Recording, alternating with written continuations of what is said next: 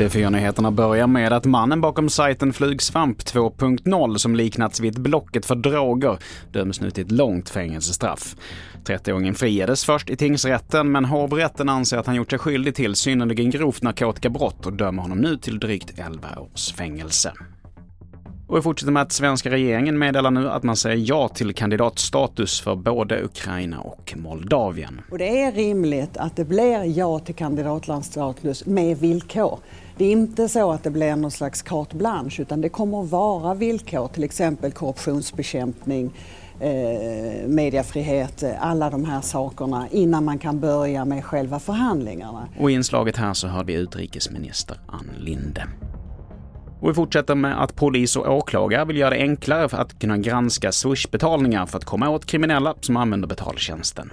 Regeringen har därför lämnat in ett lagförslag till riksdagen, det rapporterar Sveriges Radio.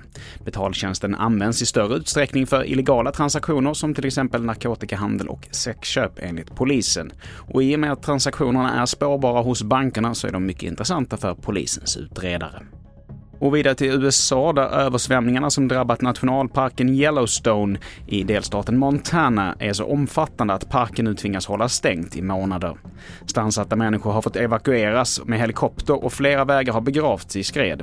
USAs krismyndighet FEMA varnar nu för mycket höga temperaturer och ny nederbörd i helgen som kan förvärra läget. We know that there is extended heat coming this weekend, that there may be additional rainfall, and that the threat may not be completely over. Och till sist till Thailand där man nu lättar på restriktionerna för turister, det rapporterar TT. Från den 1 juli så behöver man inte längre registrera sig innan man reser in i landet och inte heller bära munskydd. Men man kommer fortsatt behöva ha ett vaccinbevis eller testa sig vid ankomst.